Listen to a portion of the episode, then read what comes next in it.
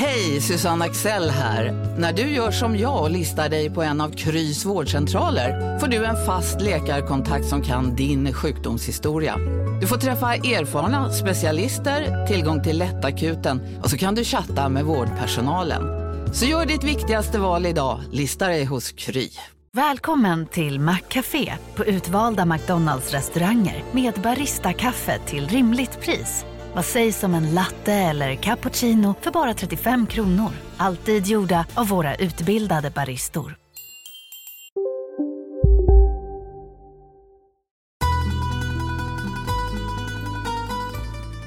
Från Monopol Media, det här är Kapitalet med mig Gunnar Harjus. Och med mig Jakob Bursell. Och ett avsnitt som vi gör i betalt samarbete med Ellevio. Och vad pratar vi om då Gunnar? Då pratar vi Jakob om elnät. Eh, som ju har blivit lite av ett favoritämne här på redaktionen. Och det har ju på något sätt blivit en lite bortglömd del av elmarknaden, tänker jag. Alla pratar om kärnkraft eller vindkraft. Eh, en del vill ha mer vindkraft och mindre kärnkraft. Andra vill ha mer kärnkraft och mindre vindkraft. Yeah. Och så är de lite sura på varandra. Men ganska få pratar om hur elen faktiskt ska komma fram då till användaren. Ja, det, så känns det. Och det här tycker då Ellevio, som är ett elnätsbolag, är ett problem. Eh, svensk elkonsumtion har ju varit i princip konstant i decennier. Men nu uppskattar Ellevio att behovet kommer fördubblas under de kommande 20 åren. Vi ska el till industrin, el till bilarna, el till liksom, eh, tunga transporter och kanske till och med till flyget. Eh, alla är med på att den här elen måste produceras på något sätt, men den måste också komma fram till användarna. Mm. Lite som vatten. Och om vi behöver mer vatten så måste vi ha tjockare ledningar och fler ledningar. Annars... Annars kommer inte vattnet kunna rinna fram. Nej, exakt. Och summorna som behöver investeras i nya elnät är helt enorma. Minst, skulle nog kanske säga, 670 miljarder behöver vi investera i elnätsinfrastruktur i nominella termer i de faktiska prisnivåerna fram till 2045, ungefär 1000 miljarder. Så säger eh, Johan Lindhagen som är då VD på Ellevio och eh, då undrar man kanske varifrån ska de här då 1000 miljarder kronorna komma?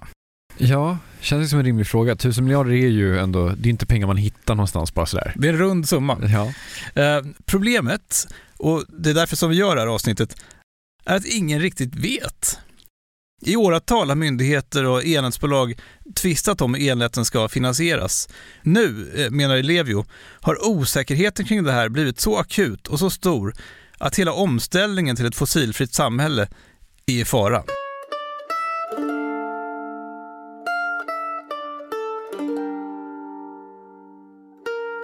Ja, Gunnar, elnät det är en udda grej. Eh, framförallt eftersom det finns bara ett nät. Så det finns ju någonstans 170 stycken eh, elnätsägare runt om i landet. En del stora och en del mindre, en del är privatägda, en del är, många är, är, är kommunala. Men eh, eh, Eh, det finns ju ingen naturlig konkurrens mellan de här eftersom de har olika geografier. Och det är helt enkelt inte eh, samhällsekonomiskt eh, lönsamt, inte för slutkunderna heller, att det skulle finnas eh, alternativ infrastruktur till varenda hushåll i hela landet. Säger alltså Johan Lindehag. Eh, och av det här skälet så kan man ju inte välja elnätsbolag, det vet vi. Utan man får ju bara det bolaget som råkar äga nätet där man själv bor. Precis, det är någon slags lokala monopol kan man väl säga. Ja. Eh, och det här är alltså ena halvan av elräkningen kan man väl säga. Alltså det som man betalar som inte är själva elen. Exakt, elnätsavgiften som både konsumenter och företag betalar. Och för att inte Ellevio som monopolist då helt skönsmässigt ska kunna sätta den, det pris man vill Nej. så har man då en ordning där en myndighet, Energimarknadsinspektionen, bestämmer hur mycket elnätsbolagen får ta ut i elnätsavgift. Känns spontant väldigt rimligt. Vi har också gjort ett avsnitt om det här faktiskt som är avsnitt 89 som heter Det stora elnätsbråket som handlar om hur stor den här summan ska vara. Ja, och, och det finns ett bråk här. Eh, och en, en kort recap, eller så kort som det nu är möjligt att göra om det här bråket. Var fjärde år så sätter man sig ner på Energimarknadsinspektionen och kollar på varje enskilt nätbolag. Mm. Man kollar vilka tillgångar de har eh, och så har man en kalkyl som då spottar ur sig ett belopp som då motsvarar hur stora intäkter bolagen får ha under de kommande fyra åren. I grund och botten så eh, hur, hur, många kunder har man, hur stort nät har man? Eh, och i sig så, så räknas det ut vad är, vad är kostnaden för det här eh, nätet? Och framförallt framåt också hur mycket investeringar behövs framåt? Och så, så räknas det ut en, en, en ram om man säger så, hur mycket, hur mycket, vad kommer det här kosta? Och att det ska finnas någon skälighet i, i avkastning till det här. Så att i princip är det så att de räknar fram en kostnad för att driva och liksom en kostnad som behövs för att investera i nätet och sen så lägger man på en, en vad man bedömer är en rimlig vinstmarginal. Ja, ungefär så. Och sen efter fyra år så är tanken att man gör om det här. Och, och så har det också funkat. Förutom att då Energimarknadsinspektionen och elnätsbolagen aldrig varit överens om hur de här intäktsramarna ska beräknas. No shit. Så efter varje nytt beslut eh, mellan typ 2010 och 2020 så har elnätsbolagen överklagat de här besluten och så har man hamnat i domstol. Och det har gått från instans till instans till instans och varje gång har domstolen gått på elnätsbolagens linje. Varför det? Alltså vad har de bråkat om? Eh, ja, det har handlat då bland annat om vilken avkastningsränta man ska använda i beräkningarna av de här elnätsavgifterna. Så ja, ganska obskyra saker. Men även om elnätsbolagen nästan hela tiden har vunnit de här eh, processerna så har de liksom sänkt ner hela branschen i en nästan ständig känsla av osäkerhet kring hur framtidens intäkter kommer att se ut. Under osäkerhetsperioden när det har varit i domstol så har inte elnätsbranschen överhuvudtaget vetat vilka, vilka ramar som har funnits. Och då har man eh, varit återhållsam och det har drivit till att det har varit återhållsamhet också på investeringarna när de behövs som bäst. Så vi har velat se att det, det finns en, en, en stabil och långsiktig modell som finns. Vi investerar ju för 50-60 år. Och då vill vi egentligen verkligen inte att, eh, att förutsättningarna för redan gjorda investeringar ändras var fjärde år. Så att eh, vi tog investeringsbesluten för under vissa förutsättningar och efter fyra år senare så ändras förutsättningarna för och nästa fyra år så ändras de en gång till. Och eh, där kan man väl kanske förstå. Eh, Johan berättade att den genomsnittliga tiden som det tar att få ett bygglov för en ny elledning ligger på 12 år. Det, det, är för att det liksom, du ska bygga på folks mark. Ah, jag gissar att det inte är en elledning som Ellevio bygger varje år heller. Nej, eh, utan de påbörjar då tusen sådana här små stora eh, projekt varje år. Så de tycker då att långsiktiga regler, det vore rimligt för dem. Mm -hmm. ja. Men eh, de här bråken de pågick ju under en tid då, då elen var väldigt billig, eller hur? Mm. Och eftersom elnätsbolagen vann i domstol så kunde de också då höja elnätsavgifterna. Eh, det var ju själva poängen med de processerna. Aha. Vilket en del blev sura på och inte minst inom industrin. Okej, så eh, här förstår man då att det finns eh, lite olika intressekonflikter som man så fint säger. Alltså alla vill ha el i uttaget men ingen vill betala mer till elnätsbolagen typ. Ja, men ungefär så. Men sen eh, efter det så hände någonting som faktiskt var väldigt ovanligt. År 2018 så har man alltså bråkat då i domstol om de här elnätstarifferna i typ 10 år och, och, varje gång med effekten att elnätsbolagen har vunnit och så har man också fått höja då sina elnätsavgifter. Aha sen kommer frågan upp i, politiken och Ibrahim Baylan då, som är energiminister eh, skriver då i augusti 2018 en eh, förordning till Energimarknadsinspektionen där regeringen svart på vitt säger till myndigheten hur den här avgiften ska eh, beräknas. Bokstavligen ett ingripande från en högre makt. och, och, jag ska vara tydlig med här att jag har inte hela bakgrunden här, men en teori är väl att det var men, jobbigt för regeringen när folk hela tiden klagar på de här elnätsavgifterna. Inte minst när företagen gjorde det. Mm. Och på det här sättet så kanske man tänkte att man skulle kunna ja, liksom lägga locket på den kritiken. Men alltså varför är det här så viktigt? Alltså, jag fattar att det kan vara viktigt för ett elnätsbolag. Men alltså varför är det viktigt för oss? Alltså vad, vad är problemet här? Mm, jag, jag kommer lite snart om du bara ger mig lite tid här. Ja. Jag tänkte man kan börja med att fråga sig hur ett elnätsbolag finansieras. Eh, jag frågade Johan Lindehag. Det finns lite olika finansieringskällor. Självklart så så har vi ett, eh, delvis ett operativt eh, kassaflöde. Vi har ju de senaste vad är det nu, fyra åren, vi har inte gett någon utdelning eh, överhuvudtaget utan vi har återinvesterat allt det operationella kassaflödet. In. Alltså elnätsavgifterna som ni får in från kunderna? Ja, ja. Eh, återanvänt eh, allting i eh, helt enkelt att återinvestera det i samhällsnyttiga eh, investeringar. Eh, självklart så har vi också eh, ehm, eget, eget kapital från våra, från våra aktieägare men också har tagit aktieägarlån lånat enkelt pengar av våra aktieägare men också i stor proportion för att det operationella kassaflödet som vi genererar räcker inte för att göra alla de investeringar vi, vi behöver göra. Så att vi också gått ut på den finansiella marknaden och, och lånat. Eh, Ellevio ägs då av AMF, Folksam och ett eh, kanadensiskt pensionsbolag. Mm. Och allt det här är pensionskapital, alltså väldigt långsiktiga pengar. Och det kan man tänka sig att passar ganska bra för den här typen av verksamhet.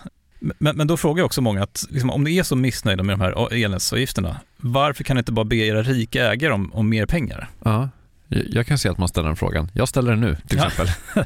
Precis, e-, e-, eller varför tar man inte mer lån om det behövs? Också en vanlig fråga menar Johan Lindhagen. Men problemet, menar han då, är större än så. Men en lösning på olönsam eh, verksamhet eller olönsamma investeringar är inte kapitaltillskott och, eh, och lån. Utan det måste finnas en sund affär som, som skapar utrymme för de investeringar som samhället behöver i grunden. Sen kommer det alltid vara en balans mellan att man använder sitt operationella kassaflöde och, eh, och använder helt eller del av det att investera in i framtiden och använder kapitalmarknaden, vare sig sina ägare eller den finansiella marknaden och, och, och låna pengar. Men i grund och botten så måste det finnas en, en, en sund affär. Är det en osund affär så får man inte låna några pengar överhuvudtaget. Men är Ellevio ett olönsamt företag idag? Eh, idag är vi ju inte det, men eh, det beror, ju, det beror ju på, inte bara för oss, utan det beror nog på hela elnätsbranschen om vilka beslut som nu eh, eh fattas av Energimarknadsinspektionen för nästa, eh, för nästa period. Och eh, såklart att börjar det blåsa snålt på det här området så, så är det klart att då måste man ju anpassa mun efter matsäck. Eh, och helt enkelt eh, den största risken är såklart då om att eh, de samhällsnyttiga investeringar som behövs blir tvungna att hållas tillbaka. Och då menar jag inte elever utan hela elbränslebranschen.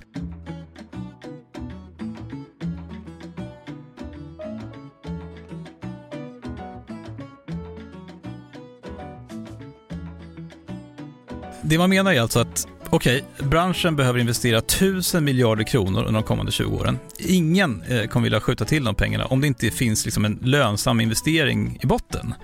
Och skjuter ingen till pengarna, då går det inte att bygga ut elnätet. Och vi behöver verkligen bygga ut elnätet, men med den rådande regleringen så är det liksom inte en lönsam investering, eller? Alltså problemet är att man helt enkelt inte riktigt vet. Ellevio vet inte hur stora intäkter de kommer att kunna ha. Eh, vi sa ju tidigare att regeringen grep in där 2018 och skrev typ svart på vitt hur elnätsbolagens avgifter skulle få se ut. Grejen är, samma sak hände sen i Tyskland, eh, men det beslutet hamnade i EU-domstolen som sen kom fram till att myndigheter absolut inte får detaljstyras eh, på det där viset. Det här tyskarna gjorde? Nej, precis. Alltså myndigheterna måste, de får inte detaljstyras på det här sättet. Fattar, så då är vi även i Sverige tillbaka på någon slags ruta ett då? Ja, lite så. Och nu eh, väntar branschen då på nästa sån här reglerperiod som ska löpa från 2024 till och med eh, 2027. Och där ska man komma ihåg att det funkar inte så att det bara är tyst från myndigheten i fyra år och sen dimper ner ett fönsterkuvert eh, med en ny reglering. Efter de här fallen då i EU-domstolen har Ellevio och elnätsbranschen haft en dialog med Energimarknadsinspektionen om hur regleringen ska se ut då under den kommande perioden. Men elever menar att eh, de här utslagen i domstolarna bara för några månader sedan fick myndigheterna att helt plötsligt vända på klacken och signalera att man helt ändrar premisserna för hela regleringen. Så just nu är allting ganska oklart. Däremot har man fått en indikation från gasnätsbolagen, Sverige har också ett gasnät, eh, som då lyder under samma, eller en liknande reglering. Deras kommande reglerperiod startar ett år tidigare, det vill säga nu vid årsskiftet. Och här har Energimarknadsinspektionen nu helt ändrat principen eh, för då eh, hur sådana här intäktsramar ska beräknas. Och effekten för gasnätsbolagen, den blev att intäkterna nu kommer falla med omkring 30 eh, Och är man Ellevio så befarar man att samma sak ska hända med elnätsbolagen då? Jag frågade honom. Eh, och, och, om, då, om då Energimarknadsinspektionen skulle gå samma väg med elnätstariff eh, tariffregleringen Vad skulle det innebära för, för, för elnätstarifferna tror du och era investeringsmöjligheter? Ja, det, det, kommer nog variera lite grann, men, men någonstans där som skedde för gasen, eh, har du samma metod för, för elnätsbranschen så blir nog konsekvensen densamma i, liksom, i monetära eh, termer.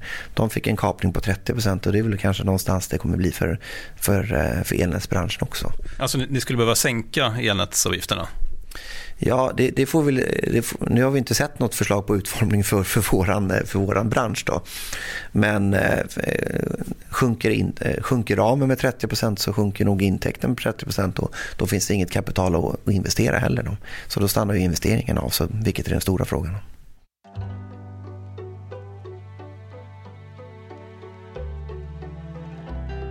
Okej, så varför är det här då så viktigt? Ja, varför är det här så viktigt? Det är ju lite svårt att som så samhällsvetare och lekman eh, utan djupgående kunskap om el säga vad som är rätt eller fel här. Alltså vi pratar ju om prognoser om framtiden som bara är osäkra per definition. Ja. Och så handlar det om någonting ganska svårt. Ja. Eh, men det finns en ganska alldaglig och, praktisk dimension här. Eh, alltså om elproduktionen byggs ut men inte elnätet så kommer det nog inte finnas el i alla kontakter. Det, det kan jag se också. Ja, det, känns, det är väldigt praktiskt. Väldigt praktiskt. Mer praktiskt än vad det brukar vara. ja, exakt. Ja. Men eh, sen finns det då större frågor här också.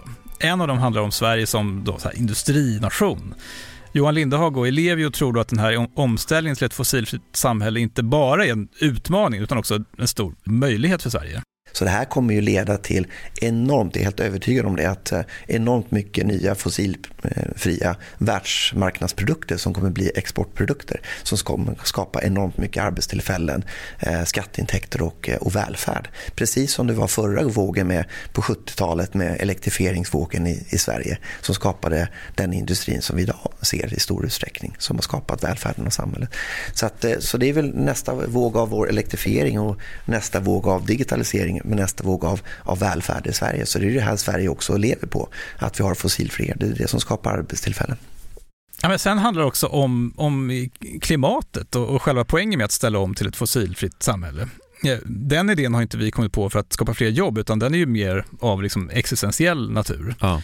Och, och, ska man då möta Sveriges klimatmål, eh, vilket är då netto nollutsläpp 2045, eh, då menar ju väldigt många att elen kommer spela en väldigt viktig roll här. Görs det inte investeringar, elnätsinvesteringar, så kan man inte ansluta produktion. Kan man inte ansluta produktion så, så kan inte folk, eh, så kan inte Sverige elektrifieras och så klarar vi inte nettonollutsläpp. Så det där är ju ett dominospel från start till, till mål. Ska vi klara nettonollutsläpp 2045, elektrifiera transportsektorn och industrin, så, eh, så behöver vi eh, dubbla produktionen och dubbla nätet. Allt annat blir ett misslyckande. Okej, men vad kommer liksom hända nu då?